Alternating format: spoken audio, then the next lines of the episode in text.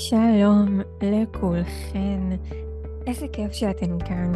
לפני שאנחנו מתחילות עם הפרק הזה, אני רוצה לעדכן ולהזכיר שוב שעד סוף חודש נובמבר יש לכם הטבה מטורפת של 40 אחוזי הנחה על רוב הקורסים והתוכניות הדיגיטליות שלי, בעצם מחירים שלא היו כדי להקל על כל מי שצריכה דווקא עכשיו את הכלים הכי טובים שיש כדי לעזור לעצמה, לפתח את עצמה ולשמור על השפיות שלה ועל האיזון שלה דווקא עכשיו. אז כל הפרטים על ההנחות האלה נמצאים בתחתית הפודקאסט בתיאור. ברוכה הבאה לפרק נוסף בפודקאסט שלי, יש לך אותך. הפודקאסט שכל מטרתו הוא לעזור לך להעלות באופן משמעותי את הביטחון ואת הערך העצמי שלך, וכתוצאה מכך פשוט לחיות חיים הרבה הרבה יותר מאושרים. להפוך להיות קודם כל ולפני הכל אשת החלומות שלך, לפני שאת הופכת להיות כזו בעבור כל אחד אחר. היום יש לנו פרק סופר סופר סופר מיוחד, שגם אותו אתן ביקשתן. בפרק הזה אנחנו הולכות לדבר על אכילה רגשית, משהו שמעסיק את רובנו בתקופה האחרונה וגם באופן כללי, ולשם כך הזמנתי היום את יגאל רווה. יגאל הוא מומחה בעל 20 שנות ניסיון לשינוי התנהגותי שעשה בעצמו שינוי מאוד גדול בתחום של אכילה רגשית. הוא מחבר הספר ממאבק לשחרור, יש לו ניסיון עם אלפי מטופלים והיום הוא משמש כמנהל תחום אכילה רגשית ומנחה ראשי בתוכנית להכשרת מטפלים במרכז לרפואת הרמב"ם. דיברנו על דברים סופר מעניינים והוא נתן לנו מענה לשאלות שהכי הכי הכי מעסיקות אותנו. אז מה זה בכלל אכילה רגשית? איך אפשר להתמודד עם כל הרגעים האלה של הבא לי והחשקים האלה שמרגיש שכאילו אין לנו שליטה עליהם? איך באמת משנים את ה mindset שלנו כדי שלא נרגיש במאבק תמידי כל הזמן למול אוכל ועוד המון המון המון דברים שאני באמת חושבת שכל אחת צריכה לשמוע. אז בואו נתחיל. היי יגאל. היי. כיף ממש שהסכמת להגיע להתארח. כיף, בשמחה רבה. בכל מקום שאני אוכל אה, להפיץ את הידיעות האלה אני אשמח. הרבה מאוד אנשים אה, לא, לא כל כך מודעים, לה, מכירים את המושג הזה, אכילה רגשית, אבל אה, לא כל כך מכירים, ולכן אני שמח לכל הזדמנות שיש. אז תודה לך על ההזדמנות הזאת. ממש. אז בואו נתחיל באמת מההתחלה. מה זה אכילה רגשית? מונח שכולנו מכירים, הוא מאוד שגור, בטח בתקופה הזאת של המלחמה, אני באכילה רגשית, אני באכילה רגשית, זה נהיה גם מושא לצחוק כזה, אתה יודע, אבל מה זה באמת אומר? כן. אמ, אז בעצם ההגדרה זה שאנחנו אוכלים כדי למלא צורך רגשי, או כדי לטשטש אותו, שאנחנו לא יכולים למלא אותו בעצמנו. אני אסביר רגע. לכל אדם יש, אה, לפי הפסיכולוגיה, שבעה צרכים אה, בסיסיים, כמו למשל, אה, נגיד בוא ניקח דוגמא את שייכות חברתית. ברגע שהצורך הזה לא מלא אצל, אצלנו, מופיעה תחושה של בדידות. כי אין לנו, יש לנו צורך חברתי ואין לנו, זאת אומרת אין לנו זוגיות, אין לנו משפחה, אני הרגשתי את זה למשל כשחייתי בחוץ לארץ כמה שנים, ומופיעה תחושת בדידות. עכשיו אם אנחנו יכולים לפתור את העניין ולהרים טלפון לכמה חברים ולפגוש אותם, אז מעולה, פתרנו את הצורך, בסוף המפגש עם חברים אנחנו נרגיש מסופקים. לפעמים אנחנו לא יכולים לעשות את זה כי אנחנו מרגישים בדידות ב-11 בלילה, אבל אי אפשר להתקשר לאף אחד, או כשאנחנו למשל גרים בחו"ל ואנחנו מרגישים את זה, או למשל אין לנו זוגיות ואנחנו לא באמת יכולים לצאת לרחוב ולמצוא פתאום זוגיות. אז נגיד מופיע, מופיע הצורך הזה ב, ב, בשייכות חברתית. באותו רגע אנחנו יכולים, כמו שאמרתי, למלא את הצורך, אבל אם אנחנו לא יכולים למלא אותו ולא יכולים לאסוף איזה בן זוג מהרחוב, אז אנחנו רוצים לטשטש את הצורך. זה כמו ברפואה שיש בעיה, ואו שאת פותרת את הבעיה, או שאת רוצה אה, מטשטש כאבים. אז האוכל בעצם מגיע כמטשטש כאבים, בסדר? כמטשטש כאבים, ואז בעצם אנחנו אוכלים כדי לברוח מהבעיה. אז למשך שעה אנחנו יכולים לקחת איזה סדרת בינג' בטלוויזיה ונשנושים מול השולחן שלנו, במשך שעה או שעתיים אנחנו מנשנשים ורואים טלוויזיה כדי לברוח מהמחשבות השליליות, כדי לברוח מהטרדות של היום, מהצורך השייכות החברתית, או מצורך של להיות בעל ערך, תחושה של שחיקה בעבודה, לא משנה מה, יש לנו צרכים, אנחנו בורחים מהם.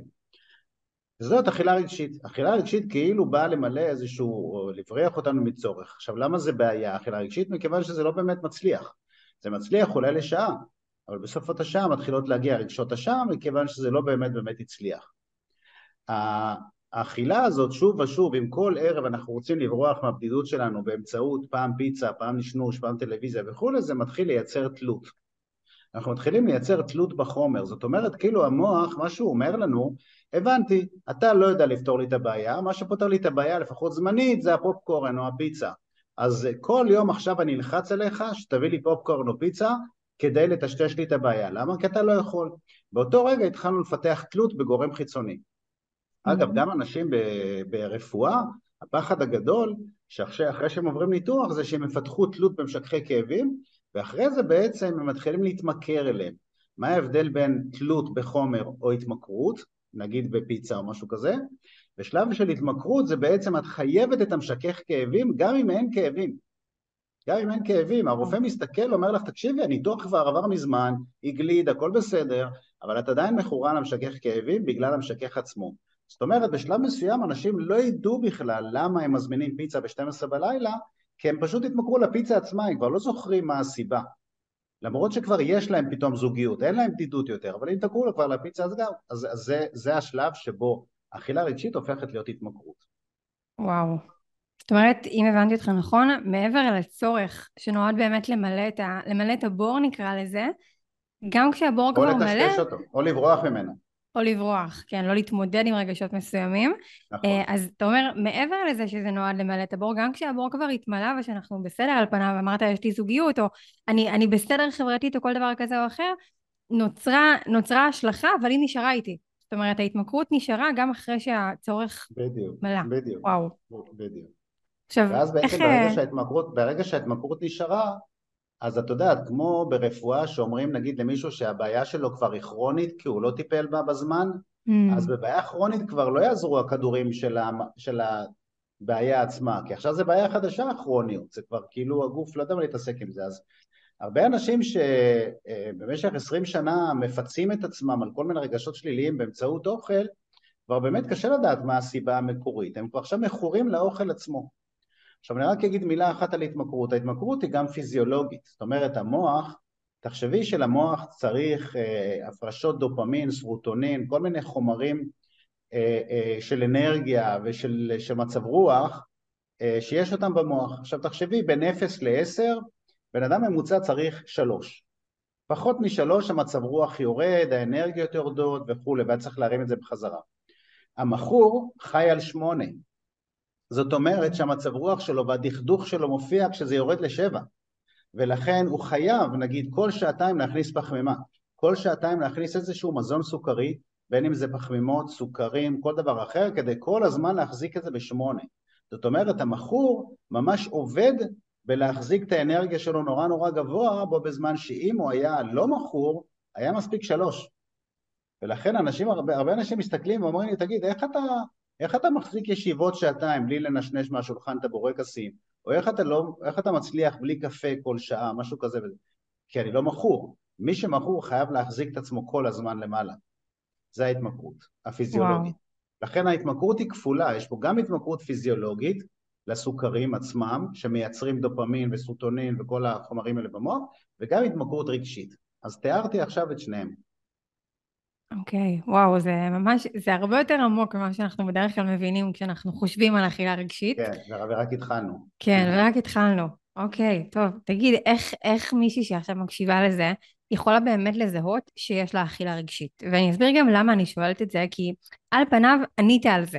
זאת אומרת, אנחנו יכולים להבין ממה שאמרת, מה במרכאות התסמינים לאכילה רגשית, חשקים וכאלה, ומצב רוח שיורד ואני רוצה למלא אותו כל הזמן, אבל בגלל שהמושג הזה נהיה כל כך שגור בפיהן של כל כך הרבה נשים, שמספיק שסתם אין להם מצב רוח, או הבן זוג אה, לא ענה להם עכשיו להודעה, או כל דבר אפילו הכי קטן, בואי נלך לקפה, בואי נלך לאכול, בואי נלך לזה. זאת אומרת, האוכל הוא תופס הרבה מקום גם בתרבות שלנו, שזה קשה להבחין מתי זה סתם חשק, ומתי באמת יש לי קושי אמיתי שנקרא אכילה רגשית. נכון, נכון.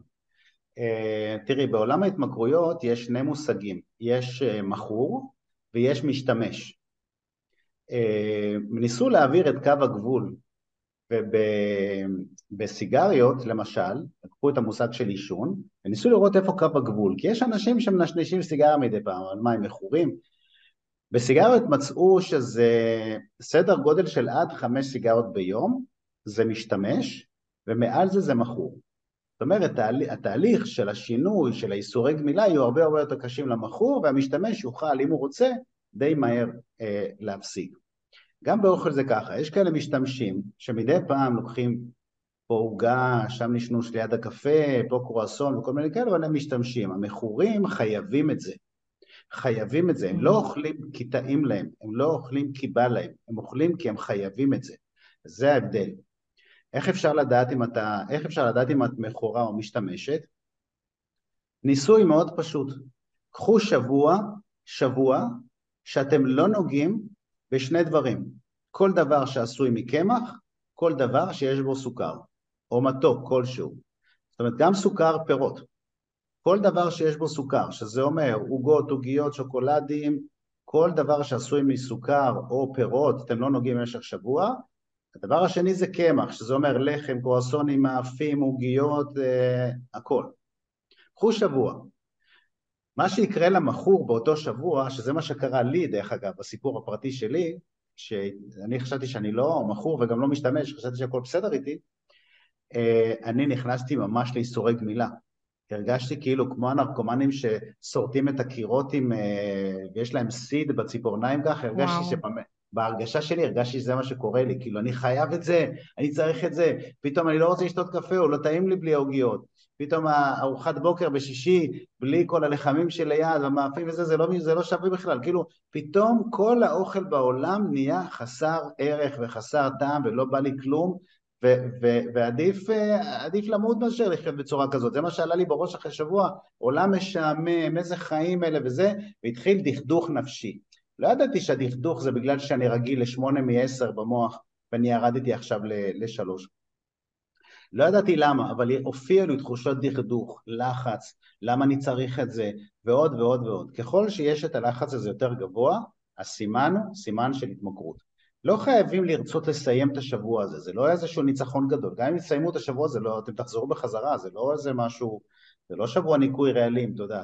כן. אה, אז רק בשביל לבדוק מתי יופיעו איסורי גמילה וכמה הם קשים. זאת אומרת, עד כמה אתה קרוב להתחרפן בשבוע הזה, זה אומר כן, שאתה יותר... כן, לא, אה, וכמה המכורים לא יחזיקו שבוע בכלל, המכורים ישברו את זה אחרי שלושה ימים, כי אין להם, אה, אין להם כוח מסוגלות נורא, נורא חלשים אל מול, אל מול הסם, לצורך העניין. המוח מתייחס לזה כמו אל סם לכל דבר. דרך אגב, יש צילומי מוח, אם תרצי אני אשלח לך, צילומי מוח של מוח תחת השפעת קוקאין ותחת השפעת סוכר, וזה פשוט אותו דבר. אותו וואו. דבר מראים, ממש החוקרים אומרים, תקשיבו, השפעה למוח, המוח לא יודע להבדיל בין השניים, זה ממש השפעה אותו דבר. זה אותו היי, זה אותו אנרגיה, זה אותו זה, ולכן המוח אומר, תביא לי עוד מאותו דבר, תביא לי עוד מאותו דבר. בצורה כזאת מפתח התמכרות. עכשיו, אתה, אתה אומר, שמע, אתה אומר למוח, אני לא יודע להביא אותך לשמונה בעצמי, אני חייב את החומר. אז תביא את החומר, תביא את החומר, תביא את החומר, בשלב מסוים פיתחנו תלות בחומר, כי אני לא יודע להביא את המוח לשמונה. בשלב מסוים את לא מבינה שאת לא אמורה להביא את המוח לשמונה בכלל, את אמורה לחיות בשלוש, שלוש זה מספיק בשביל, בשביל מצב רוח. אמ, וזהו, אז מי שיכול לעשות את הניסוי הזה שיעשה, אם תחזיקו מעמד שבוע שלם ותרגישו בלחץ ושאתם צריכים המון המון כוח בשביל להחזיק את השבוע הזה, אתם מכורים. אם אתם מחזיקים את זה בלי בעיה בכלל ואומרים בסוף השבוע אני יכול אפילו להמשיך לעוד שבוע, אז סימן שאתם לא מכורים, שאתם מדי פעם לוקחים איזה משהו, וכנראה, וזה דרך אגב משהו שהוא מאוד מאוד חשוב להגיד לאנשים, אני פגשתי המון אנשים שבאו לקורס שלי, של הכשרת מטפלים באכילה רגשית במרכז הרמב"ם, אה, המון אנשים שבאו לקורס וגם אחרי זה עברו טיפול אצלי, ששלחתי אותם הביתה, אמרתי להם תקשיבו, אתם סתם ברגשות אשם על כלום, אתם לא מכורים. כאילו פעם בשבוע לאכול איזה קינוח בערב שישי אחרי ארוחת שישי וזה big deal, כאילו מה עשיתם מזה? אבל כאילו אנשים כל כך מלקים את עצמם וכל כך מרגישים אשמים וכל כך זה, שאת אומרת, אה, אה, התמכרתם לרגשות אשם. Mm. התמכרתם לרגשות אשם, אתם רוצים, בואו נלמד אתכם איך יוצאים מהתמכרות כזאת, אבל באוכל אין לכם בעיה, אתם פשוט התמכרתם להיות קורבנות. התמכרתם לקורבנות, לרגשות אשם, התמכרתם לחוסר אונים, התמכרתם להיות כישלון, התמכרתם לכל האמירות האלה. אין לכם שום סיבה. עכשיו בואו נראה אתכם יוצאים מזה. בואו נראה אתכם עומדים מול מראה ואומרת, אני עינב מעולה, אני מדהימה, ולא תרגישי מזויפת. בואו נראה אם את מסוגלת לעשות את זה, כי אני אומר לך, את מעולה, אין שום בעיה. ושם אנשים פתאום נתקעים בבעיה, אומרים רגע אין לי בעיה, אז כאילו למה אני בעומס כזה כבר עשרים שנה שאני מטומטמת ואפס וסתומה ואנשים ממש מקללים את עצמם מול המראה. אה, אז זה בעיה נוספת, דרך אגב, של אכילה רגשית, שאנשים אין להם בעיה של אכילה רגשית, אבל עומס מאוד מאוד גדול של דמות הקורבן, דמות החסר אונים, דמות הכישלון, והם לא משחררים את הדמות הזאת. הם לא משחררים את הדמות הזאת למרות שאין שום בעיה. וואו. אז זה הניסוי, איך מודדים אכילה רגשית או משתמש, שבוע בלי שני הדברים שאמרתי, ואגב, גם בלי נשנושי ביניים. ממש שלוש ארוחות ביום, בלי סוכר, בלי זה, סלט כל יום וכולי, שבוע שלם. בואו נראה אתכם מטפסים על קירות, ואז אתם תגידו, אוקיי, לפחות אני יודעת, לפחות לקחתי משהו מהפודקאסט של עינב, אני יודעת שאני מכורה. תקשיבי, זה, פריצת דרך מדהימה לבן אדם שאומר דבר כזה. ממש, להודות בזה, ומשם, ברגע שזה במודעות, אפשר גם לתקן, אפשר גם uh, לעבוד כן. על זה, אבל כשזה בהסתרה ובהכחשה, או בחוסר כן. ידיעה פשוט, נכון. אין מה. אני וואו. אגיד לך יותר מזה, עינב, מי שמגלה, אם את מגלה שאת מכורה, נגיד, זה מכה בך, כי פתאום המילה מכורה זה לא איזה סלנג, זה מחלה. את אומרת, וואי, זה מחלה להתמכר. ואז את קוראת איזשהו מתכון של איזה בלוגר, והוא אומר, עוגיות חמאה ממכרות, את לא יכולה לראות את המשפט הזה יותר. את לא יכולה לראות את המשפט הזה יותר. את אומרת, אני לא אעשה לילדים שלי עוגיות חמאה ממכרות. אני לא אעשה דברים כאלה יותר לאף אחד. פתאום המילה התמכרות הופכת לך נורא חזקה, זה לא משהו שאתה יכול לזלזל בה יותר, זה מחלה. את לא רוצה שהילדים שלך יהיו מכורים. יש משהו באמת במילה הזאת שהיא באמת כל כך חזקה, שאנחנו, אני נכון. לפחות, שאני שומעת אותך אומר את זה, אני כל כך לא רוצה להזדהות עם זה, שזה נכון. מאוד עוזר, כי זה מרחיק אותי מזה. העניין הוא, העניין הוא שאנחנו חיים בעולם מאוד חולה. והעולם החולה הזה, בשביל שאנחנו נוכל להמשיך להתמכר, הוא החליט לטשטש את המילים, ולקח את המילה להתמכר וטשטש אותה, ולקח את, אה, את לא תפסיקי לאכול וטשטש אותה, ואוכל מנחם, ואוכל מפנק. זאת אומרת, המלכודת הבינלאומית בכל העולם של, של, של חברות המזון, ושל חברות הדיאטה, ושל חברות התרופות, כל מי שמרוויח מההתמכרות הזאת, חוץ מאיתנו, בעצם מה שהוא עשה זה השתמש בכל מיני מניפולציות לגרום לנו להבין שזה לגיטימי. אז ברגע שאומרים לך עוגיות חמאה ממכרות, זה כאילו להתמכר זה נורא לגיטימי. אה, או שאומרים לך אוכל מנחם מפנק, אז כאילו את לא שמה לב שמחברים לך רגש לאוכל. כאילו, אוכל מנחם, בעצם מישהו צריך לשאול למה אני אבל, כאילו אני באבל, יש אני בשבעה, שאני צריך אוכל מנחם, למה אני צריך להתנחם בכלל? אף אחד לא שואל את זה. זה כאילו החדירו את השפה הזאת כדי לחבר רגש לאוכל, ואז בעצם כולם משתמשים בזה. מאוד מתחבר לקורבנות שדיברת עליה, בדיוק, כי קורבן ירצה להתנחם כל הזמן. אני אתן לך דוגמה קלאסית. לפני שבועיים ראיתי איזושהי תוכנית בטלוויזיה, תוכנית של אה, אוכל. והכתבת הלכה לבית של איזשהו סבתא טוניסאית ועשתה איתה ספינג', את יודעת מה זה. ברור, אני טריפולטאית, זה גם... אה, אה גם אני. כן? לא, אז כן, ספינג' אני נגמלתי. אני טריפוליטאי מנתניה. בקיצור, זה היה ספינג' טוניסאי. כמו שאת יודעת, כאילו שמים את זה בשלוש קילו שמן ומוציאים, ואחר כך היא אה, אכלה את זה עם עוד סוכר מלמעלה, וזה גם קמח וגם סוכר וגם שמן רותח, אלוהים ישמור מה, מה יש בספינג' הזה, ואז אה, היא אמרה נצא לפרסומות. מה הייתה הפרסומת? רק תביני את המלכודת, כאילו איך, איך ממלכדים אותך מכל הכיוונים.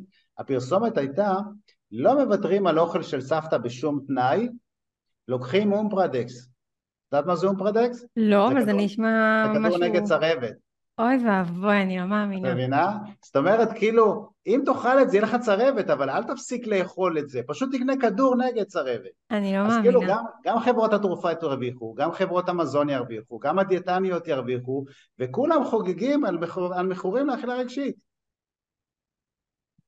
וואו. העולם ממולכד, פשוט אנשים לא יודעים את זה. אני אתן לך דוגמה נוספת.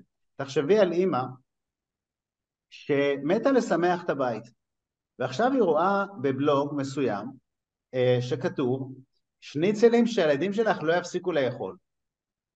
כמה חודשים אחר כך, היא רואה שהילד שלה רק הולך ומשמין ומתחיל להיות דחוי בכיתה ורע לה עם זה וקשה לה עם זה והבגדים לא עולים עליו והוא מלא בושה ו- וגיל הנוער זה עוד יותר קטסטרופה, הם, הביטחון העצמי שלהם יורד, בלימודים הוא ירד, נהיה בעיה בבית ברצינות. היא הולכת לרופא או לדיאטנית והיא אומרת להם, תקשיבו, הבן שלי משמין. אז שואלים אותה למה, אז היא אומרת, כי הוא לא מפסיק לאכול. עכשיו תזכרי למה היא בכלל מבשלת. היא הלכה לבלוגר, את זוכרת מה היה כתוב שם? זה כן. שניצלים שהילד שלך לא יפסיק לאכול. היא ראתה בזה מחמאה. עכשיו היא הולכת לרופא עם אותו משפט בדיוק. אז בגלל זה באכילה רגשית אפשר להכניס לך כל מיני דברים לראש שאת לא רואה בצורה רציונלית כמה זה חמור. אז את תקני הום פרדקס ותאכלי את זה ביחד עם הספינג'. זאת אומרת, זה מעבר לבחירה החופשית שלי עכשיו בתוך רגע שבו אני מרגישה לא טוב עם עצמי, אלא אתה אומר, זה הרבה מעבר, זה איזושהי שטיפת כן. מוח נכון. קולקטיבית, שלפעמים נכון. אנחנו אפילו לא מודעים, אז אם אני לא מודעת לזה בכלל, אני, אני גם לא יכולה להדוף את זה ממני. נכון. העולם כולו, תראי, כשאני יצאתי וכתבתי את הספר שלי, אה, ואגב, ת, תתני לי אחרי זה את הכתובת, אני אשלח לך אותו, כשאני גיליתי את הדברים האלה, הייתי בהלם. הייתי בהלם, אמרתי, יו, העולם, אה, כאילו, אני חי בעולם שהוא ממולכד. בכל מקום שאני הולך, כאילו ממלכדים אותי. אה, לדוגמה, אני מסתכל על, ראיתי הרצאה של איזשהו פרופסור אמריקאי שהוא אומר תקשיבו אין דבר כזה בלי סוכר. מכניסים לכם סוכר בשמות שונים בשוק. יש מאה שמות שונים לסוכר. כשאתה אוכל את זה זה מקפיץ לך במוח את הכל. עכשיו הוא אומר זה יותר חמור מכיוון שזה גורם לך להתקרב למחלת הסכרת ולהשמנה מהסיבה שההמצאות שהם עשו בחברות המזון לדמויי סוכר זה משהו שהגוף לא מכיר ולכן הוא גם לא יודע לעכל אותו את סוכר הוא יודע לפרק לפחות את זה הוא לא מכיר, הוא לא יודע לפרק אותו ולכן זה נשאר בגוף כמו איזה חומר, ש, ש... אגב תאים סרטניים זה מה שהם אוכלים, את הסוכר הזה, וזה מה שמפתח לך את, ה, את המחלות אחר כך. הוא אומר פשוט תחפשו, יש מאה שמות שונים לסוכר, ובכל המקומות שכתוב לכם ללא סוכר, שאלו את עצמכם אם זה ללא סוכר למה זה מתוק. יש שם חומר כימי שהגוף לא יודע לפרק. וכשאני גיליתי את זה וגם את הדברים האחרים אמרתי וואי כל הזמן מנסים לעבוד עלינו כדי שנשאר במלכודת ההתמכרות. עכשיו אני שואל אותך עינב בצורה הכי, ההיגיון הכי פשוט שעובר לך בראש, למה להשתמש בשיטת ההתמכרויות כדי למלכד את, את האנשים בעולם? מה זה נותן להם? מרגיש כמו שליטה. לקוחות חוזרים. לקוחות חוזרים. זה הכל. Oh. לקוחות חוזרים, מכור הוא לקוח חוזר, הוא קונה שוב ושוב ושוב את אותו דבר ומגדיל צריכה כל הזמן. זה כסף, זה הרבה כסף.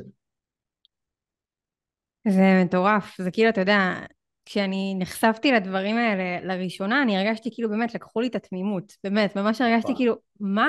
איך זה יכול להיות? הרי חברות נכון. התרופות אמורות לעזור לנו, לא? כאילו לרפא אותנו, ושנותנים לנו חטיפים וכאלה ורושמים על איזה קורנפלקס, שזו הארוחה הכי בריאה לילדים ביום, כנראה שרוצים לעזור לנו, ואז פתאום הכל מתנפץ, הפוך, ואתה מבין שהאחריות היא עליך. הפוך. זה יותר מזה, זה כל כך ציני, שהתגלית, התגלית הכי קשה הייתה, אפרופו המצב שאנחנו נמצאים בארץ, שכאילו כולם מזועזעים, הילדים והתינוקות וכל זה, מה שהכי זעזע אותי, זה שחברות הפורמולה לתינוקות שמים סוכר. עכשיו, הסוכר לתינוק בן יומו זה מה שנקרא החתמה. המוח שלו מיום הראשון מוכתם שה-level שהוא צריך זה שמונה ולא שלוש, יו. כל החיים שלו יצטרך שמונה ולא שלוש עכשיו. זה לא מבוגר שהתרגל, שאת אומרת, אני זוכרת את עצמי לא זקוקה לאוכל ומשחקת עם החברות ואני לא יודעת מתישהו בצבא התחלתי לאכול חטיפים מהבאסה של הצבא והכל ועד שהשתחררתי השמנתי ואחרי זה התמכרתי אבל אני זוכרת תקופות אחרות כאן את לא זוכרת, את מהיום הראשון שאותה פורמולה מסוכרת למה? כי זה ממכר, ובסופו של דבר כאילו את תצטרכי את הסוכר הזה בכל דבר, בכל דבר. אין מצב שאת תסיימי ארוחה בלי קינוח, אין מצב שאת תעשי ארוחה בלי לחם, אין מצב שאת תעשי את זה בלי פחמימות, ואת לא תדעי אפילו למה, כי זה כל כך מוקדם.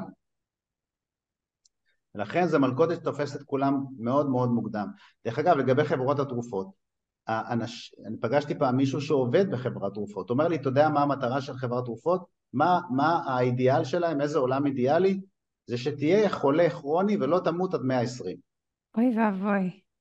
כי אם אתה תהיה חולה כרוני אתה צורך תרופות, אבל אל תמות, כי אז אנחנו מאבדים לקוח. אז נאריך לך, נאריך לך את החיים, אבל אנחנו לא מרוויחים מבריאים וממתים.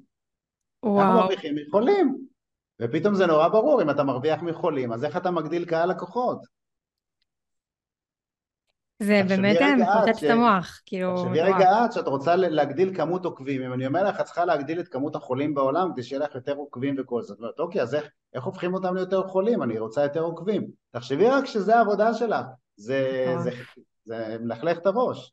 אני באמת תוהה לעצמי, אמיתי, איך אנשים יכולים מצפונית לעשות את זה? זאת אומרת, הרי יש שם אנשים שמקבלים החלטות, ואתה יודע, זה כבר שיחה אחרת, אבל זה, זה נורא קשה לחיות בעולם ככה. אנחנו מרגישים רגשות אשם על זה שאכלנו קורסון, אז איך אותם אנשים לא מרגישים רגשות אשם על זה שהם גורמים לאנשים להיות חולים כן. ולחיות בסבל, גם רגשי וגם כן. פיזי, זה מטורף. אני אגיד לך יותר מזה, יש חברות, גם בחברות פרסום וגם בחברות אה, משחקי אה, וידאו לילדים, טלפון, וגם אה, בהרבה מאוד חברות שעלו על מודל ההתמכרות, הם מעסיקים בצוותים שלהם פסיכיאטרים שמומחים להתמכרות. עכשיו יותר מזה, את אומרת אני עמומה מזה שבעלי חברות מזון, תרופות, של דיאטה, של גיימינג, של טלפונים, רוצים למכר אותנו. עכשיו, אבל למה הפסיכיאטרים, שכאילו אתם חתמתם על אמנת הרופא, שאתם כאילו רוצים ל... גם אתם בפנים, עכשיו הם משתמשים כבר בדברים שהם, שאת לא יודעת, הם, הם יודעים את מודל ההתמכרות. אני בקורס שלי בעצם בא ופותח את כל מה שהם עושים מאחורי הקלעים כדי לספר את האמת, וברגע שאנשים מגלים את האמת כבר קשה לעבוד עליהם. נכון. כבר קשה לעבוד עליהם. ברגע שאת מבינה מה עושים לך, וברגע שאת מבינה שכאילו כל דבר נועד למכר אותך, את בעצם מתחילה להבין כאילו למה, למה הם עושים את זה. ואז החיים משתנים. אבל זה הרבה מאוד כסף, זה הרבה מאוד כסף לרייטינג של טלוויזיה, הרבה מאוד כסף לחברות תרופות, זה הרבה מאוד כסף דרך אגב לממשלה, ממשלות מרוויחות הרבה מאוד כסף מזה שאנחנו הולכים לסופר כל הזמן וקונים עוד ועוד ועוד, ממשלה מרוויחה מזה. אה, כמעט כל, כל דבר שזז בעולם מרוויח מכסף שאנשים מוציאים, ולכן מודל ההתמכרויות הפך להיות מודל כלל עולמי. בן אדם שרוצה להציל את עצמו חייב להבין שהוא חי בעולם שרוצה למכר אותו והוא לא אשם. עכשיו אני רק אגיד מילה למה אני אומר הוא לא אשם. למה מאוד חשוב להבין שאנשים לא אשמים. הם חייבים לקחת אחריות אבל הם לא אשמים. כן. בסדר, הם לא אשמים כי הם הלכדו אותם, הם לא יודעים אפילו. בבסיס של כל ההתמכרויות בעולם, כמו התמכרות לאכילה רגשית, אבל גם התמכרות לסמים וכאלה, מצאו שיש מכנה משותף. נכון שאין מכנה משותף בין מישהו שהוא זרוק ברחוב עם מחט הרואין ביד, לעומת מישהו שאוכל חייו סוכרים כל השבוע, זה לא אותו דבר, אבל יש, יש קשר בין כולם, הימורים, עישון, כולם, כולם, כולם, כולם, הכי עמוק, המכנה משותף שלהם זה תחושת אשמה ובושה. יש להם תחושת אשמה שבעצם הם מתנהגים בצורה מזיקה לגוף שלהם בלי יכולת לעצור, והם מתביישים בזה שהם לא יכולים להחליט ולעשות. בסדר? אנשים שעשו שלוש פעמים דיאטה למשל, עשו פעם אחת, נכשלו, עשו עוד פעם זה, הלכו לקבוצת תמיכה, הלכו לדיאטנית, עשו באינטרנט, עשו זה, קנו ספר, כאילו בשלב מסוים אין להם בושה להסתכל על עצמם במראה כבר, מבחינתם הם לוזרים. תחושת הלוזריות מייצרת בושה מאוד גדולה, מצד אחד, מצד שני תחושת אשמה שאני מתנהג בצורה כזאת. יש אנשים שאומרים, תשמע, א', אני באמת כבר לא רוצה את האוכל הזה, ב', הוא כבר לא טעים לי, אין לי אפילו את הבא לי, אבל אני ממשיך, בסדר? אז תחושת האשמה והבושה כל כך פוגעת בביטחון העצמי, שהיא גם אם את רוצה לעשות שינוי, אין לך את הכוח לעשות שינוי. אין, אין לך את היכולת.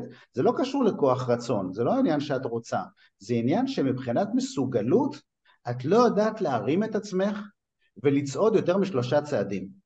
את צריכה איזושהי שיטה, איזושהי מתודולוגיה, איזשהו דרך שמישהו ילווה אותך קצת ויקח אותך, לפתח בך קודם כל מסוגלות, ואחר כך תתחילי בתהליך של דיאטה. אבל אם את לוקחת כל דיאטה בעולם, כשאין לך את המסוגלות הזאת, את לא תצליחי אף פעם. ולכן אף דיאטה בעולם לא עובדת, כי דיאטה נותנת לך רק תפריט, אבל כל זמן שהיא לא הוציאה לך את האוכל מהראש, אלא רק מהצלחת, את לא באמת יכולה אה, לעשות את השינוי. אין לך את המסוגלות לעשות וואו. את השינוי.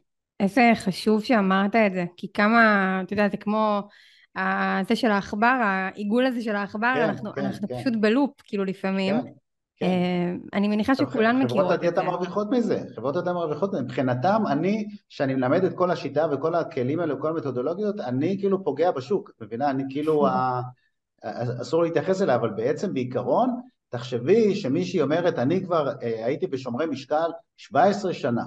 למה צריך 17 שנה? הרי אם, אם השיטה עובדת, למה צריך 17? מספיק יהיה חצי שנה, ארבעה נכון. חודשים, למה צריך 17 שנה?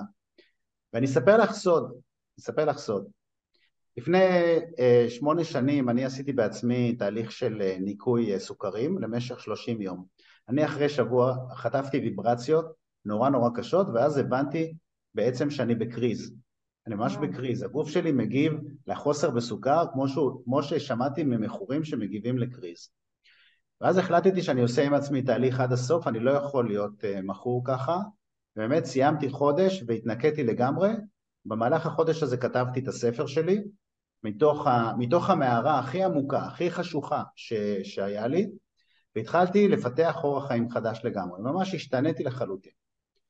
וכשכתבתי את הספר וראיתי שיש לי שיטה, אז הלכתי לשומרי משקל, ואמרתי להם, תשמעו, יש לי שיטה להוציא את האוכל מהראש, אבל אין לי ידע תזונתי, אני צריך פרטנר מהצד התזונתי שיעשה את זה, בואו אני אלמד את כל המדריכים שלכם בקבוצות ונתחיל אה, לעשות עבודה. בקיצור, היא מאוד מאוד שמחה, גם נתתי לה הרצאה, אמרה לי, תקשיב, זה פורץ דרך, אף אחד לא מדבר בצורה כזאת עד היום, מדהים, בוא נעשה עבודה וכולי וכולי. עכשיו יש שש עסקים מאוד ממולחת, היא כבר בנתה חוזה והכל. ואז היא אמרה, רגע, מה אמרת המשפט מקודם?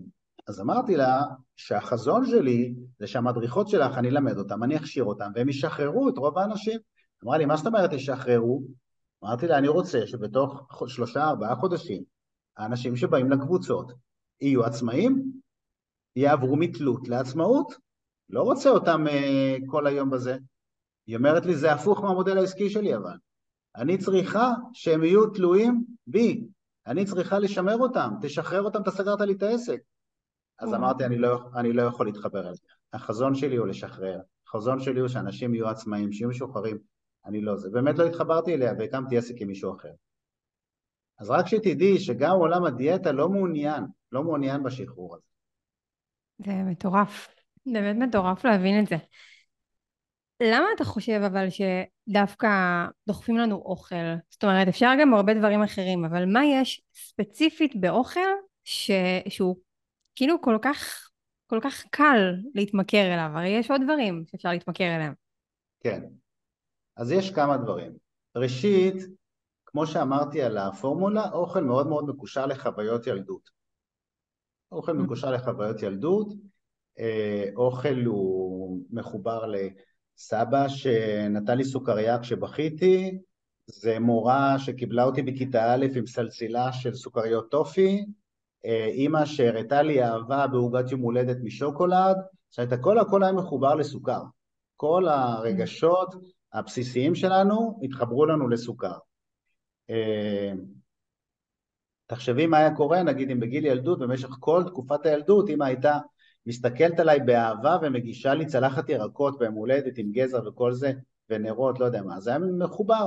עכשיו זאת אהבה אמיתית, כי אתה באמת, באמת נותנים לי אוכל אה, זה, אבל אה, אמר לי פעם, אמר לי פעם פרופסור לפיזיולוגיה או לתזונה, הוא אמר לי, אתה יודע, כשאתה רואה ילדים ביום הולדת משחקים, הם לא משחקים, הם משתוללים. אה, מחקרים מראים שילד ביום הולדת אוכל פי שלושים ממה שהגוף שלו מסוגל להכיל בכלל. פי שלושים, וואו. לכן הוא משתולל כי הוא חייב לשרוף את זה, כן. ילד חייב לשרוף את הדבר הזה, ולכן כאילו הוא חייב להשתולל בשביל לשרוף את, ה, את הרמות סוכר שהוא אכל, כי זה גם, אה, יש את הסוכר הזה גם בפופקורן וגם בחטיפים, ואחרי זה יש את זה בעוגה ויש את זה בקינדר, יש את זה בקצפת ובגלידה, בקיצור כמעט בכל דבר ביום הולדת יש סוכר, הכמויות שם נכנסות, נכנסות, נכנסות, הוא לא יכול לעמוד בכמות, הגוף לא פשוט לא מסוגל לפרק את זה והוא מתחיל להשתולל. אה, אז דבר ראשון זה מקושר לחוויות ילדות, בסדר? אחד הדברים שלי היה הכי קשה להשתחרר זה המתוקים של אה, חנוכה, המתוקים של פורים, את מכירה את זה מהעולם של הטריפוליטאים, אה, הקוסקוס של היום שישי בצהריים, אז כאילו הכל היה מחובר לחוויות ילדות ופתאום אמרתי זה כאילו להיפרד מהילדות שלי. אחרי שהשתחררתי הבנתי שאני לא נפרד מהילדות שלי, אני פשוט נפרד מהאוכל של הילדות, אבל אני עדיין יכול להשתתף באירוע עצמו וכולי, אה, ולא, ולא חייב להשתולל עם המתוקים האלה. אז זו הסיבה הראשונה שזה אוכל. סיבה שנייה שזה אוכל, זה שהעולם אה, הכריז עליו כסם מותר, כסם לגיטימי. זאת אומרת שרואים בטלוויזיה, למשל באיזושהי סדרה ראיתי שבחורה, החבר שלה עזב אותה, היא מיד הרימה טלפון לארבע חברות והם הגיעו עם שתי קילו גלידה על המיטה שלה, כולם ישבו במין מעגל כזה והגלידה באמצע וכולם אוכלים והיא בוכה ואוכלים והיא בוכה וכל זה. אז לאף אחד לא נראה מוזר התמונה הזאת אה, ולכן האוכל הוא כאילו העולם הכריז עליו כסם מותר.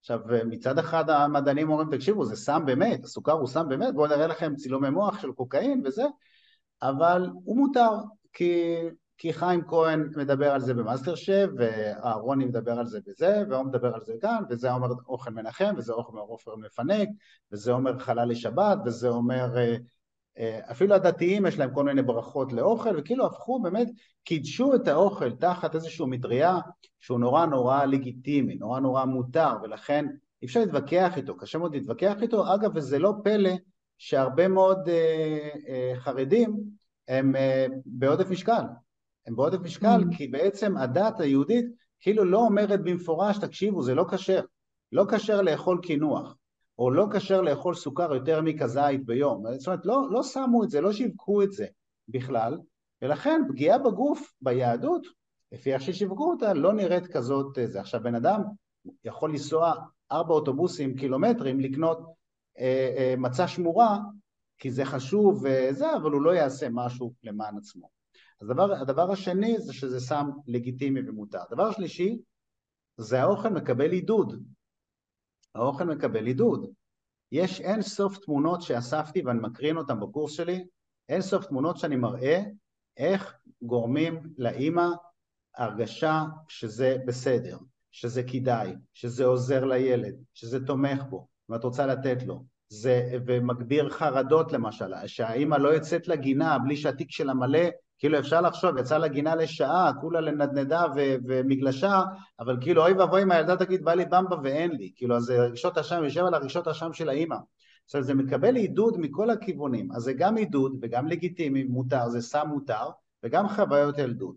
אז האוכל בעצם קיבל איזה משולש נורא נורא חזק ל- לשמור אותו ולהשריש אותו כאילו בתוך החיים שלנו אה, בצורה כזאת. למשל, דוגמה נוספת, זה שבחופשה יש בופה ענק בארוחת בוקר. רוב הישראלים בבית שלהם לא אוכלים בכלל ארוחת בוקר. לא, לא אוכלים ארוחת בוקר. רוב האנשים מסתפקים בקפה, אולי עוגייה ליד, אולי. ופתאום בחופשה זה מעודד אותך אה, אה, להיות בחופש. חלק מלהיות בחופש זה ללכת לעשות ארוחה שבדרך כלל אתה לא אוכל אותה בכלל. אני חייבת לשאול אותך, אבל מה, מה דעתך על המקום הזה שאתה יודע, אומרים גם ש... אוכל בסוף, כן, הוא טעים, הוא ממלא, הוא גם חלק מתענוגות החיים, גם את זה בטוח שמעת. כאילו, אני באמת מנסה להבין גם עם עצמי שאלה לפעמים. מעולה. שאלה גם, מעולה. אתה יודע, אני גם, אה, לא, לא אמרתי לך קודם, אבל אני גם עברתי תהליך אצל אה, דוקטור גיל יוסף שחר בקליניקה, ועשיתי תהליך תזונתי, ונגמלתי מסוכר ומקמח לבן, וזה היה נוראי, אבל זה קרה. אה, ו- וכאילו, אני לפעמים אומרת לעצמי, אתה יודע, יש את הקול הזה בראש, אני אומרת, אבל בא לי לאכול את זה עכשיו, תכף נדבר על הבא לי, אבל כאילו, בא לי עכשיו את הפיצה הזאת שלא אכלתי מלא זמן קמח לבן, או בא לי עכשיו איזה פסטה מוקרמת למרות שאני לא נוגעת בחלבי כבר הרבה זמן. איפה, איפה הגבול? זאת אומרת, למה אני לא יכולה להגיד לעצמי, זה חלק מתענוגות החיים, הגוף שלי מקבל אוכל בריא כל הזמן, הוא יתמודד עם זה. כאילו לפעמים לי יש סלט בראש בהקשר הזה. קודם כל שאלה מעולה, ואני בטוח שזו שאלה שמייצגת המון המון המון המון אנשים. וזה באמת כאילו סוג של דילמה של איך מצד אחד אני רוצה ליהנות מתענוגות החיים, מצד שני משלמת על זה מחיר מאוד מאוד כבד. כן. אז כאילו באמת החיים הם שחור ולבן. אז לא, החיים הם לא שחור ולבן, ואני אתן לך דוגמה מעולם אחר, רק בשביל להסביר את זה, כי יותר קל ללכת לעולם של אחרים בשביל להמחיש את זה. Mm-hmm. בוא ניקח את עולם ההתמכרות לאלכוהול. תחשבי על מישהו שהוא בא לטיפול באלכוהול והוא מספר לך שהוא מכור לכל אלכוהול שהוא, והוא אומר לך למשל כשאני חוזר הביתה אה, לבית ריק כי אני חי לבד ואני בבדידות וכל מיני כאלה, אז אני פתרתי לעצמי את הבעיה עם האלכוהול, לא פתרתי אבל כאילו אני זה, ולכן כל פעם שאני רוצה לצאת החוצה לדייט או להכיר מישהו וכל מיני כאלה, אני ממלא את הביטחון העצמי שלי באלכוהול.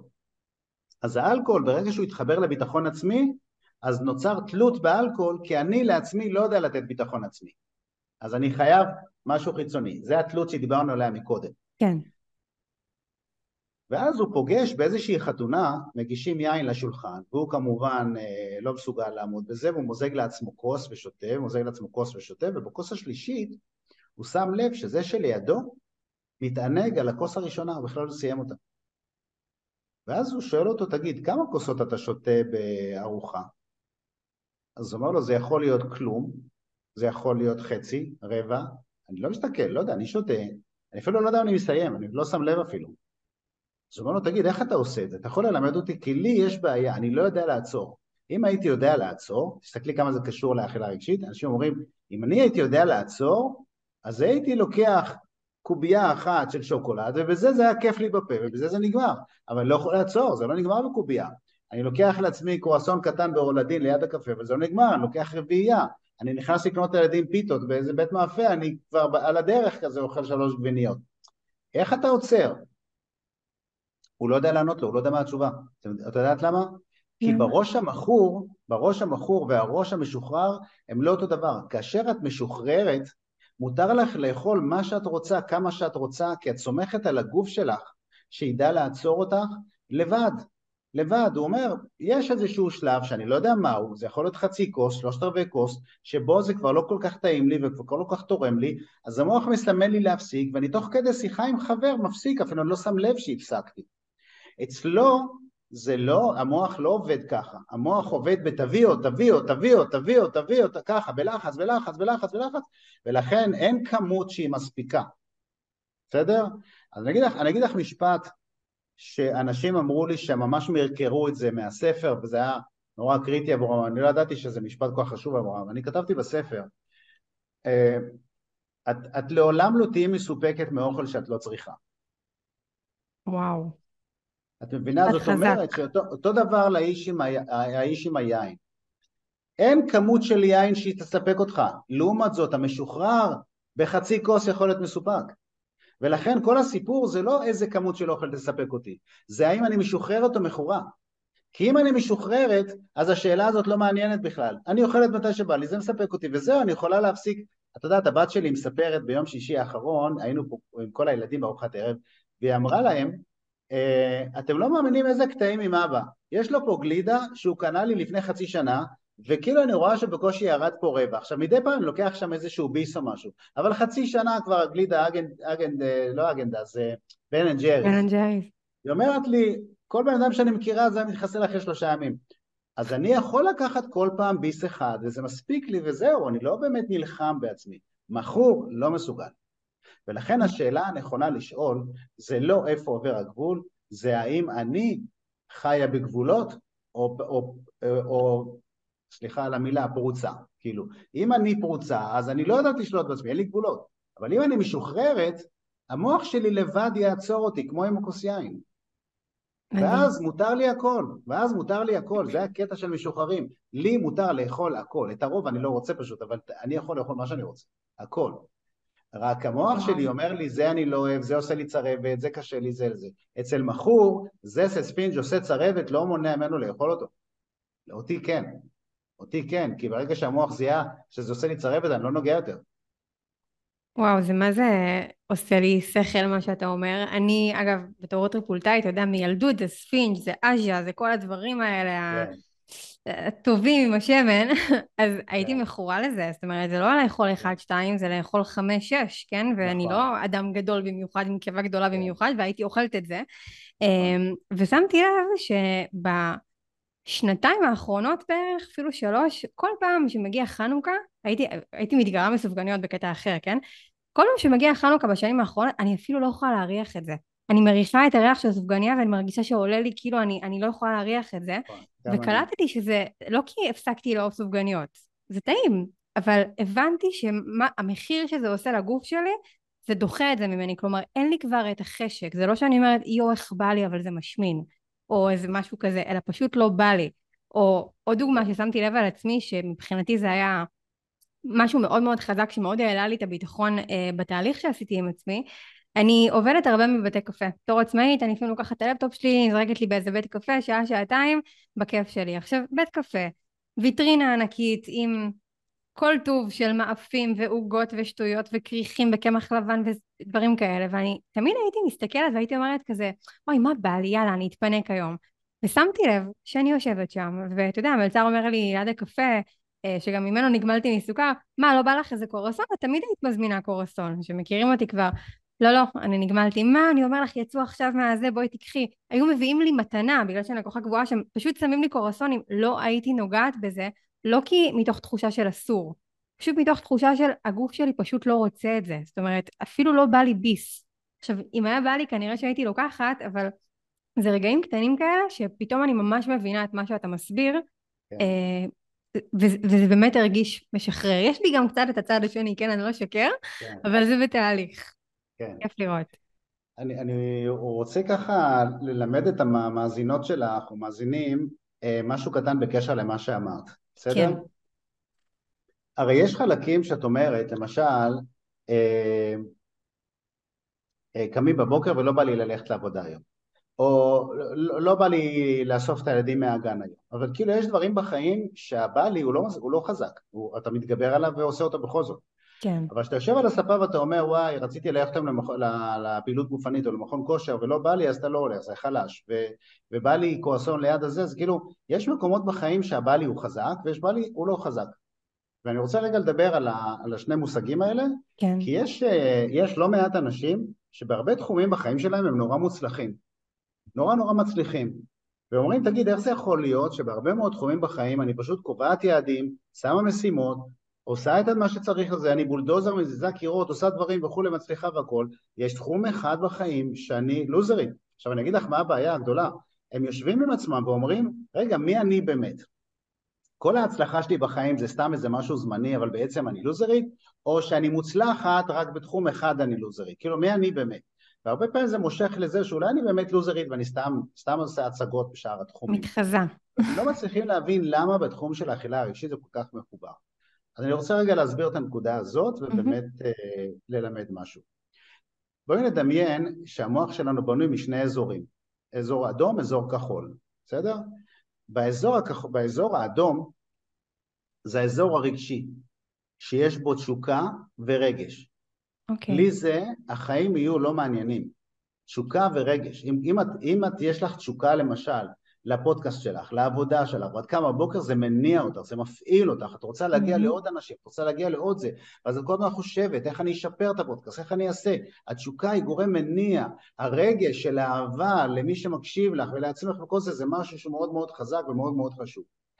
בצד השני, בכחול, זה אזור מאוד מאוד ענייני, מאוד פרקטי, מאוד uh, שכלי, מאוד רציונלי, וזה האזור שבו את אומרת, אוקיי, יש לי תשוקה להיום לפודקאסט עם יגאל, אבל כדי שהוא יהיה טוב אני צריכה לעבור לצד הכחול ולבנות רגע את סדר השאלות, אני רוצה לראות כמה זמן יש לנו, אני רוצ, לא רוצה שיהיה מבולבל, אני צריכה לדאוג ללקוחות שלי, שיודעת שיהיה להם מעניין וכל זה, אז אני אאסוף מהם שאלות, זה הצד הרציונלי. זאת אומרת, ניקח את הפודקאסט שלך למשל, או את מה שאת, העבודה שאת עושה, כי אני רואה שאת עושה את העבודה שלך מפשן, את חייבת את שניהם ביחד שישתפו פעולה. נכון. עכשיו, כל זמן שאכילה נמצאת רק בצד האדום, היא רק תשוקה והנאה, אז כל הקבלת החלטות יהיו בא לי, לא בא לי, זה טעים או לא טעים, אה, אה, אה, אה, כיף לי או לא כיף לי, זה השאלות. אין שם, אין שם איש כחול שישאל שאלות אחרות אם זה טוב לי. למשל, מציעים לך שוקולד, את אומרת לא, אני לא רעבה. מה יענו לך? מה קשור רעבה? מה הקשר לרעב? מה הקשר לרעב, נכון? כאילו, השוקולד הוא טעים, מה הקשר לרעב? את ענית תשובה מהכחולים, והם אדומים, ולכן השפה לא, לא ברורה, הם לא מדברים את אותו שפה בכלל. ולכן אכילה רגשית היא אך ורק אנשים אדומים, אנשים שהם רק לפי, עכשיו נגיד אני רוצה לעשות סלט לארוחת ערב, אם אני אדום, מכור, אז אני אגיד סלט זה הרבה זמן עכשיו, עד שלחתוך, עד שזה וזה, ואחרי זה כיור וסירים, ולא בא להתעסק בזה. כמה זמן לוקח להפשיר פיצה מהמקרר ו- ו- ולהפשיר פיצה ולעשות אותה צ'יקצ'ה בשתי דקות? זה יותר קל, כי באדומים מה שקשור זה נוח, טעים, בא לי, כיף לי, זה השפה. בכחול השפה היא מה טוב לי, מה נכון לי. הם מסתכלים בכלל על ההמשך, זאת אומרת, האם זה יגרום לי לצרבת, אז אני לא רוצה, לא משנה כמה זה טעים, האם זה יגרום לי להשמנה, לא רוצה, לא משנה כמה זה טעים, האם זה יגרום לי להפחתת אנרגיה, ואני אצטרך כל הזמן לשחק בנדנדת הדיאטות ועם האנרגיה, לא רוצה. למה? כי שם זה ענייני, אתה מדבר על איזה מטרות אתה רוצה להשיג בחיים. באדומים מדברים על טווח קצר, מה זה יעשה לי עכשיו? זה שאחר כך תבוא צרבת לא מעניין אותי. עכשיו, מה, יהיה לי טוב? אז נאכל את זה עכשיו. אחר כך נשתה כדור נגד צרבת. ובעצם כל זמן שאכילה רגשית נמצאת רק בצד האדום, שכל השפה היא בא לי, לא בא לי, כיף לי, לא כיף לי, טעים לי, לא טעים לי, אין סיכוי להשתחרר מזה, אין סיכוי. אנשים כאילו רוצים להישאר בטעים לי ולעשות שינוי. לא. אתם רוצים לעשות שינוי, אתם חייבים לקחת את האוכל, מה שאת עשית בעצם, להעביר את זה לכחולים. מה זה אומר לכחולים? זה אומר, האם אני רעבה? האם זה טוב לי לאכול את זה עכשיו? האם זה יהיה נעים לי לאכול את זה עכשיו? האם זה ישפיע עליי לטובה? האם זה ירים לי את האנרגיה, יוריד לי את האנרגיה? זה שאלות נורא ענייניות. למשל, תדלוק של אוטו, שזה כמו אכילה, כן. הוא נמצא רק בכחול. תארי לך שאת נכנסת לתחנת דלק ואומרים לך, תקשיבי עינב, היום דלק עולה שש וחצי שקל, מיץ תפוזים חצי שקל. תחסכי, תחסכי, את חוסכת, תחשבי, את יכולה לשים שש ליטר מיץ תפוזים על ליטר אחד של דלק, את חוסכת. עכשיו, בגלל שאת מתדלקת מהעולם הכחול, את אומרת, אם אני שמה עכשיו פה מיץ תפוזים, אני עוד, אני אסע שתי מטר ועוצרת, וזה גרר, וזה סיפורים, וזה ניקיון מנוע, ויעלה לי אלפי שקלים מעבר למיץ תפוזים, את אומרת, לא, לא רוצה, גם אם זה עולה פחות.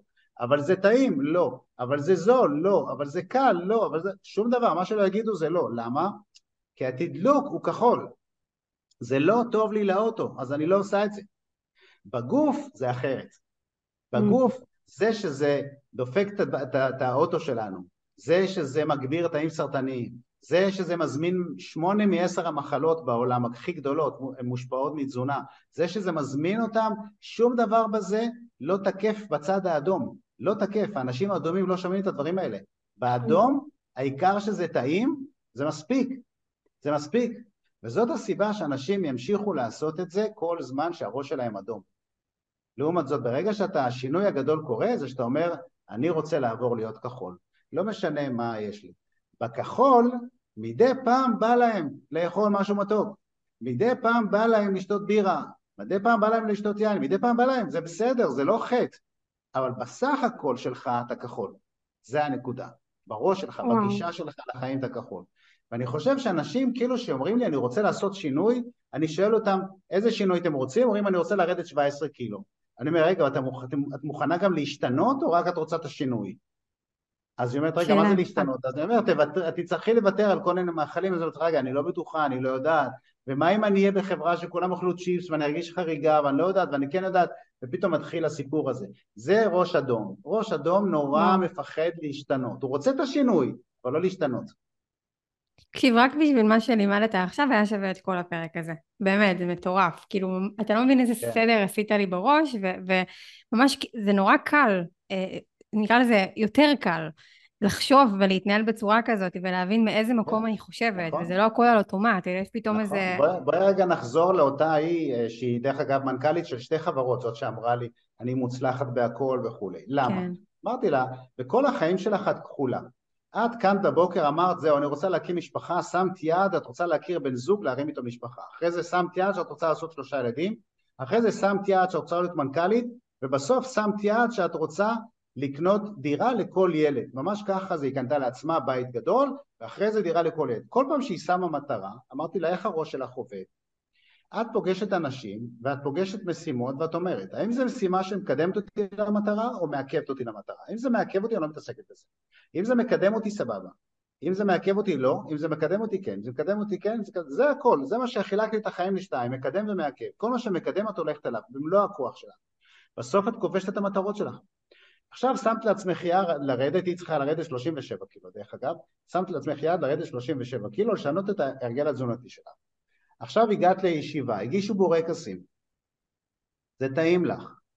הראש שלך חושב, האם זה מקדם אותי למטרה או לא מקדם אותי למטרה? לא. Mm-hmm. את חושבת, האם זה טעים לי או לא טעים לי? נכון. אין שום סיכוי. אין שום סיכוי. את לא, את לא עשית עסקאות בחיים שלך כי בא לך, עשית עסקאות כי הבנת שהתוצאה שלהן תהיה כדאית, התוצאה שלהן תהיה טובה, ולא בגלל שבא לך. בסדר? אז, אה, את לא אמרת אני אקנה דירה בתל אביב, לא, אני אקנה דירה בכרמיאל. למה? כי לא יודע, כרמיאל בא לי כזה, נחמד. לא, את אמרת, אני אראה את המספרים, אני אראה מה יותר כדאי באחוזים, לפי זה. את, את פעלת לפי הכחול, לא לפי האדום. Mm-hmm. באוכל את חיה רק באדומים. ולכן אני לא רוצה שתעשי שינוי תזונתי, ניקוי ריאלים, דיאטות uh, לסירוגין, לא, אל תעשי דיאטה.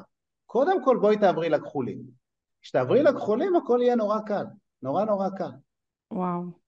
זאת אומרת שהפתרון באיזשהו אופן לחשקי הבלי הזה, כמו שאתה בעצם מלמד כאן, זה לעשות קודם כל לא שינוי אה, רק פיזי, פיזי של אני לא אגע בזה או אני לא אכניס הביתה את האוכל הזה והזה, כן.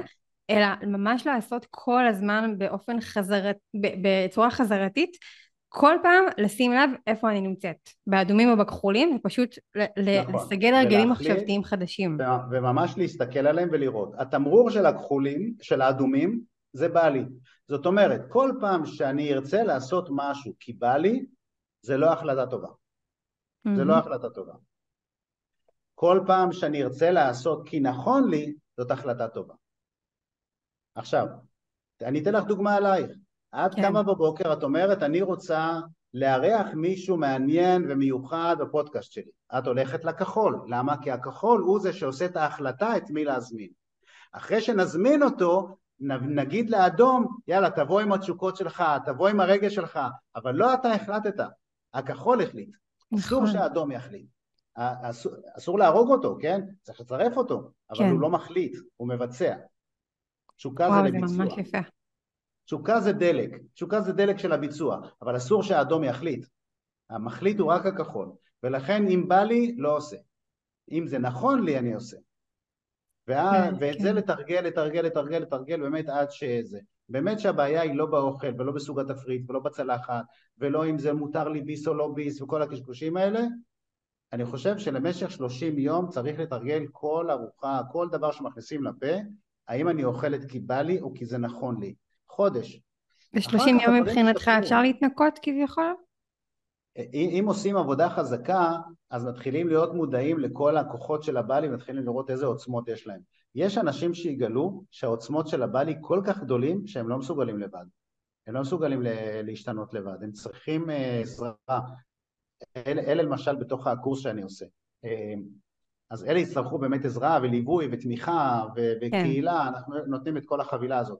אבל יש אנשים שיכולים לעשות את זה בעצמם, יש להם מספיק כוח להבין שזה. עכשיו אני החלטתי בכל תחום בחיים שלי להפסיק להתנהל ממקום שבא לי, אלא ממקום שנכון לי. באמת עשיתי הרבה שינויים באותה שנה, לא רק באוכל, עשיתי שינויים, כי פתאום גיליתי שיש כמה תחומים שהם לא נכונים לי יותר. לא, לא נכון לי יותר לעשות את, ה, את הדברים האלה. וואו. תקשיב, זה מרתק ברמות, כאילו אני, אני עוד מעכלת את מה שאמרת ובא לי כבר להתחיל לתרגל את זה כי תמיד יש, יש עוד ואותי זה לוקח למקום של מאיזושהי חוויה של חוסר שליטה אתה יודע שכאילו אתה, אתה צריך להרחיק ממך דברים כי, כי אוי ואבוי אתה לא תשלוט בעצמך אתה תאכל את זה אתה תעשה לעצמך נזק ואז רגשות אשם וכל הלופ שדיברנו עליו זה מביא דווקא למקום של שליטה מאוד גדולה זאת אומרת יכול להיות כאן את כל הדברים הכי מפתים בעולם אבל שום דבר לא נוגע בי, אני מחליטה, אני הדבר היציב כאן. אה, ואני חושבת שזה גם באופן מאוד מאוד ישיר משפיע על הערך העצמי שלנו כבני אדם, כשאנחנו מצליחים לעשות את זה. אם, אם זה לא היה פוגע לנו בערך העצמי, אז, אה, אז הבעיה הייתה יותר פשוטה. הבעיה היא שאנשים שרוצים לעשות שינוי, סף המסוגלות שלהם כל כך נמוך והביטחון העצמי כל כך נמוך, שלא משנה מה יהיה התפריט, לא משנה באיזה מעגל הם יהיו, הם, אין להם את הכוח הזה לעשות את, ה, לעשות את השינוי. נכון. אמ, אני רוצה לספר לך סיפור ככה, רק בשביל שתביני למה אנחנו, למה ההתמכרות היא בעצם מייצרת תלות ואובדן של ערך עצמי. סיפור אמיתי. אה, הייתה מסיבה של אה, סיום תיכון, אה, י"ב, ובסיום תיכון, אתה יודע, כל אחד יש לו את הבת זוג שלו, את הבת זוג שלו, זה כמו, ה... למדנו את זה עם האמריקאים כזה, שבאים עם העשרות. כן, לנשף. לאחד התלמידים בנשף הזה לא, היה, לא, היה, לא הייתה בת זוג, אבל הוא ראה שם מישהי שגם לה אין בן זוג, אבל הוא, הוא היה מוכן למות ולא לקום מהכיסא לגשת אליה, ולכן הוא ישב וכולם היו ברחבה. והיא גם הייתה ברחבה, והוא כל הזמן הסתכל והאשים את עצמו שאין לו ביטחון לקום. ואז הגיע המלצר והוא אומר איפה כולם? אז uh, הוא אומר להם רוקדים, אז הוא אומר טוב אני שם פה את השתייה, כשהם יבואו תגיד להם, ואז הוא שם מגש מאוד גדול עם כוסות uh, של מים. הוא לקח את המים שתה בבת אחת, רק אחרי שהוא בלע שרף לו הגרון והוא הבין שזה לא מים, זה היה וודקה. Uh, והוא לא שתה אף פעם וודקה לפני זה, הוא הרגיש שבא לו להקיא והוא לא יודע זה, אבל מה אחרי שתיים שלוש דקות, פתאום הוא הרגיש שהוא מתמלא בביטחון, פתאום יש לו ביטחון עצמי, הוא פתאום מזדקף ופתאום אמר וואי אני אגש אליה, אני אעשה לה, הוא אמר רגע זה היה מהוודקה, אז הוא לקח עוד אחד ושתה ועכשיו הביטחון העצמי שלו ממש התפוצץ. ואז הוא הלך, והילד התמים והמופנם הזה רוקד ברחבה כמו משוגע, כולם מסתכלים עליו, לא מאמינים, הוא תופס את הילדה, מכניס אותה למעגל, מתחיל לרקוד איתה, כובש את ליבה. למחרת היא שולחת לו וואטסאפ, היא אומרת לו בוא ניפגש, התלהבה ממנו. והוא בבוקר קם עם ההנגובר שלו, והוא מיובש, הוא לא יודע איך הוא בכלל ידבר איתה עכשיו, הוא, הוא, הוא כל כך מסכן שאתמול זו הייתה הצגה אחת גדולה, והיא עוד, שולחת לו עוד פעם, מתי קובעים, מה עושים, והוא לא יודע מה להגיד לה, הוא רוצה אותה, אבל הוא מיובש, אין לו את הביטחון העצמי, הוא, הוא חזר לעצמו, יורד לפיצוצייה, קונה שלוש כוסות, שותה אותם, מרגיש את החוויה של אתמול עוד פעם, הולך פוגש אותה, כובש אותה, מרשים אותה, מסיימים את הערב באיזה נשיקה והיא אומרת לו תקשיב אנחנו חייבים להכריז על החברות שלנו, אני מאוהבת וכולי.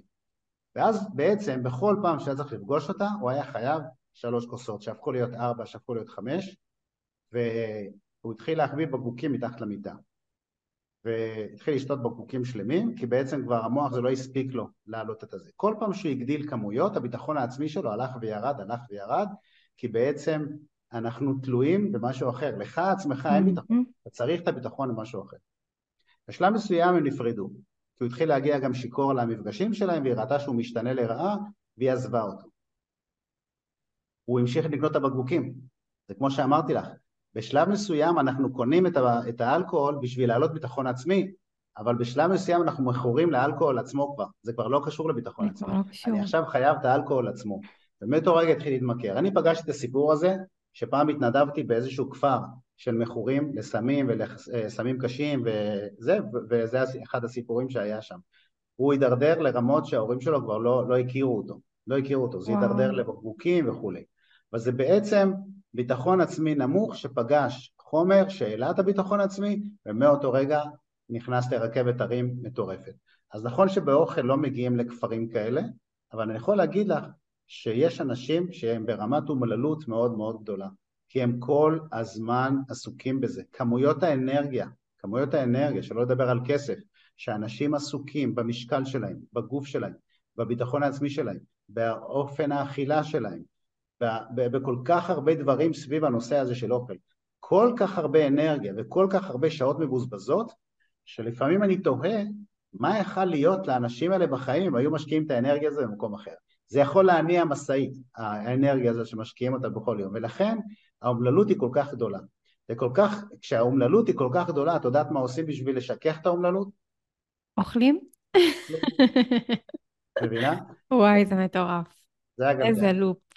כן, זה הגלגל. אה, אני רוצה לשאול אותך, שאלה אחרונה שלי יושבת בראש, אם אנחנו באמת מדברים על העניין של הבלי ועל הכחול והאדום וכל הדבר הזה, ואנחנו יודעים, נתת לנו צידה לדרך, איך אפשר באמת להתחיל לעבוד כבר בעצמנו, מה עושים כשקלטנו שאנחנו נגיד לא מצליחים? זאת אומרת, נניח ועכשיו אני קולטת שהסתכלתי מאיפה אני פועלת מהכחול או באדום, ובאופן מודע בחרתי באדום. איך אני עוזרת לעצמי לא לחזור על זה עוד פעם? איך אני מתנהגת על אותה סיטואציה שכביכול נפלתי, כדי שאני לא אחזור מהר מאוד להלקאה עצמית ולאומללות ולסבל? כאילו, מה, איפה הנקודת יציאה הקטנה הזאת שחשוב לשים לב אליה כשנופלים? Okay. אה, שני, שני דברים. אחד, זה ממש לשים לעצמי סטיקרים בכל מקום במוח, בטלפון, על המקרר, על האוטו, בכל מקום. שביקורת עצמית ורגשות אשם הם הטריגר הכי חזק לאכילה רגשית. זאת אומרת, זה לא רק שזה לא עוזר לי, שאני עושה לעצמי ביקורת עצמית אחרי שנפלתי, אלא אני מזרזת את עצמי ליפול את הפעם השנייה. Mm. ולכן, זה, זה מה שעושה הצד האדום. הצד האדום הוא מפיל אותך ואז גם נותן לך רגשות אשם. בסדר? זה, זה הצד האדום. Uh, הצד הכחול הוא מאוד ענייני. הוא אומר ככה, תשמעי, בוא נבדוק למה נפלנו, ובוא נבדוק כאילו מה הייתי עושה בפעם הבאה במקרה דומה. Mm-hmm. מה שקורה עם הזמן, ככל שיש יותר נפילות, ככה יש לי יותר מקרים ותגובות בראש. של למידה עכשיו, בעצם. כן. עכשיו בצבא, בצבא, ככה מאמנים חיילים. מאמנים אותם לכל מיני מקרים שעלולים לקרות מהניסיון הצבאי, ומלמדים אותם איך להגיב. לכל הדבר הזה קוראים מקטג, מקרים ותגובות. הם לומדים את זה ממש בעל פה. כאילו שלא, שלא לא תתפלא שזה קורה, זה, זה עלול לקרות, ואם זה יקרה בוא נלמד אותך ואני גם אאמן אותך איך לקרות. אז תעשו רשימת מקטגים, מ"ק ת"ג, מקרים ותגובות, אה, של נפילות, ותגידי מה אני אגיב בפעם הבאה, איך אני אגיב לזה בפעם הבאה. נגיד שבפעם הבאה הגבת ונפלת חצי, כן. זו התקדמות מעולה, זו התקדמות מעולה, תשפרי, כנראה צריך תגובה אחרת של 100% הפעם. אז תשפרי את התגובה, ואם תפלי עוד פעם, תשפרי עוד פעם את התגובה. מתי נפסיק לשפר את התגובה? אף פעם, אף פעם. כי מה האלטרנטיבה? ביקורת עצמית. לא רוצה, אני לא הולך לאדומים, אני פועל בכחולים. בכחולים כתוב, נפלת, מה תעשה בפעם הבאה? נפלת, מה תעשה בפעם הבאה? עכשיו אני אגיד לך יותר, אני אגיד לך משהו שיותר קל. לא חייבים ליפול. תעשו רשימה מראש של כל הנפילות שאתם צופים. אני כבר אומר לכם, תצפו שתיפלו בשישי בערב בארוחה. בקינוח או בפיצוחים. תיפלו שאתם תגדילו כמויות, תיפלו שבישיבה יביאו בורקסים, אתם תיפלו כשאתם תהיו עם חברה והיא תגיד בוא נזמין אה, קורסון, בוא נזמין קינוח ואתם לא תעמדו בפיתוי, תיפלו בכל מקום שיש לחץ חברתי, שכולם מזמינים ואתם כאילו מרגישים אה, אה, מוזרים, תרשמו את כל הרשימה שאתם כבר יכולים לצפות מראש, שיהיו נפילות, זה לא הפתעה. נכון. עכשיו תרשמו ליד כל אחד מהם רשימה של תגובות, איך תגיבו באותם מקומות. עכשיו, אם נפלתם בכל זאת, תשפרו את התגובה. נפלתם, תשפרו את התגובה. נפלתם, תשפרו את התגובה. צורה כזאת. זה מאוד עוזר. עכשיו, זה לא אמור להצליח בהתחלה, כי אתם עדיין אה, חלשים, אתם עדיין, אין לכם מסוגלות. המסוגלות אמורה לאט לאט לצמוח. אנחנו לא מעמיסים על ילד בכיתה א' מבחני בגרות, אנחנו מצפים ממנו כאילו שלאט לאט יגדל, אנחנו תומכים בו ואומרים לו זה בסדר, ככה זה צריך להיות בהתחלה, אתה לא אמור בכלל להצליח בהתחלה, אתה אמור לזה. קוראים לזה סרגל מאמצים. אתם אומרים לאט לאט עם המאמצים לגדול ולצמוח. הבעיה הגדולה של אנשי האכילה הרגשית בגלל שהם אדומים, אז זה או הכל או כלום. כאילו mm. בגלל שאכלנו איזה ביס ורבע, אז מפרקים את כל, ה, את כל המסעדה ואחרי זה הכל נגמר ודרמות וסיפורים. לא, הכחולים לא עושים עניין, הכחולים אומרים נפלת, בוא, בוא נעבוד על זה, בוא נשפר את זה, בוא נשנה את התגובה, בוא נשנה את זה, בוא נעשה את זה, אבל בוא תישאר, ב, בוא, בוא תישאר ב, ב, בזון, בוא תישאר בתס, בהתקדמות, אבל אל תפרק את הכל בהכל או כלום. מדהים. אז זה המקרים ותגובות ו, והתייחסות להתקדמות ולא להצלחה. אפשר לצאת מזה לגמרי, אבל זה לא תפריט וזה לא מתכון ולא שום דבר, תתחילו בניסוי שאמרתי לכם, תעשו ניסוי של שבוע, קודם כל תראו אם אתם מכורים או לא, אם אתם תטפסו על קירות ותחטפו קריז ואתם תהיו חייבים או שלא תעמדו בכלל בשבוע הזה, אתם מכורים, לפחות את זה אתם יודעים, ואז תעשו את התרגיל השני, התרגיל של החודש אה, כחול ואדום, האם אני אוכל כי בא לי, האם נכון כי נכון לי, תקשיב, אני בעצמי הולכת לשמוע את הפרק הזה כמה פעמים לדעתי. אה, זה ממש ממש ממש משמעותי. אני בטוחה שכל אחת שתקשיב לזה תוכל לקחת לפחות משהו אחד לחיים שלה, וזאת ברכה ענקית, כי בסוף מדובר ב... לא רק בבריאות הנפשית שלנו, גם בבריאות הפיזית שלנו, ו... אין, אין דבר יותר חשוב מ, מלהרגיש טוב ו, ולהיות בטוב, בטח ובטח עכשיו. אנשים עם ביטחון עצמי עושים, לעצמם, עושים קסמים בחיים, בכל השאר התחומים. זה כי נכון. תביני, אישה עם ביטחון עצמי נמוך אל מול עצמה, היא גם, זה פוגע לה בזוגיות. זה פוגע לה ביכולת התשוקתית שלה, כמה היא מושכת. זה פוגע לה ביחסים עם הילדים, כי היא כל הזמן מוטרדת. זה פוגע לה בעבודה, כי האנרגיה שלה כל הזמן לא, לא, לא למעלה. זה פוגע בהכל. ברגע שהם מבינים את זה ואומרים עכשיו הפוקוס שלי זה להרים את הביטחון העצמי שלי בלי קשר לסוג האוכל, מוכנה לשלם כל המחיר שבעולם, שם מתחיל, שם מתחיל הריפוי. הבעיה של האכלנים הרגשיים זה שהדיאטנים יפנו אותם לתפריט, וזה לא שם מתחיל. יגאל, אני רוצה להודות לך על זה שהיית כאן וחלקת איתנו מהידע ברוחב לב אז תודה רבה רבה רבה. אני מזכירה רבה. שוב, אני משאירה אה, לינק לתוכנית אה, של יגאל במרכז הרפואת הרמב"ם, וכל מי שמרגישה צורך, תיכנסו, תעשו לעצמכם אה, טוב. אז תודה רבה לך. ביי ביי. טוב, אז הגענו לסוף הפרק הזה. לי היה פשוט מרתק, ובתור אחת שעשתה בעצמה שינוי מאוד גדול סביב אוכל ותזונה וכל מה שקשור באורח החיים הבריא, גם עכשיו התחדשו לי עוד דברים, והמסע הזה שלנו בדרך לחיים יותר טובים, הוא קורה גם באופן תודעתי והוא גם קורה באופן פיזי, וכשמשלבים את שני הדברים האלה ביחד, פשוט קורים דברים מדהימים בחיים שלנו. ואם קיבלת אפילו משהו אחד טוב מהפרק הזה, אם משהו התחדש לך או התחדד לך, או נתן לך רגע לחשוב קצת יותר לעומק, אני הכי אשמח בעולם שתשתפי את הפרק הזה ותעזרי לנו להפיץ את התוכן החשוב הזה הלאה. תודה רבה רבה רבה שהיית כאן, שיהיה לך המשך יום טוב או לילה טוב, איפה שלא תהיי, מה שלא תעשי. אני הייתי עינב מנשה. תודה רבה, ואנחנו ניפגש כמו בכל יום שלישי בפרק הבא של הפודקאסט. ביי!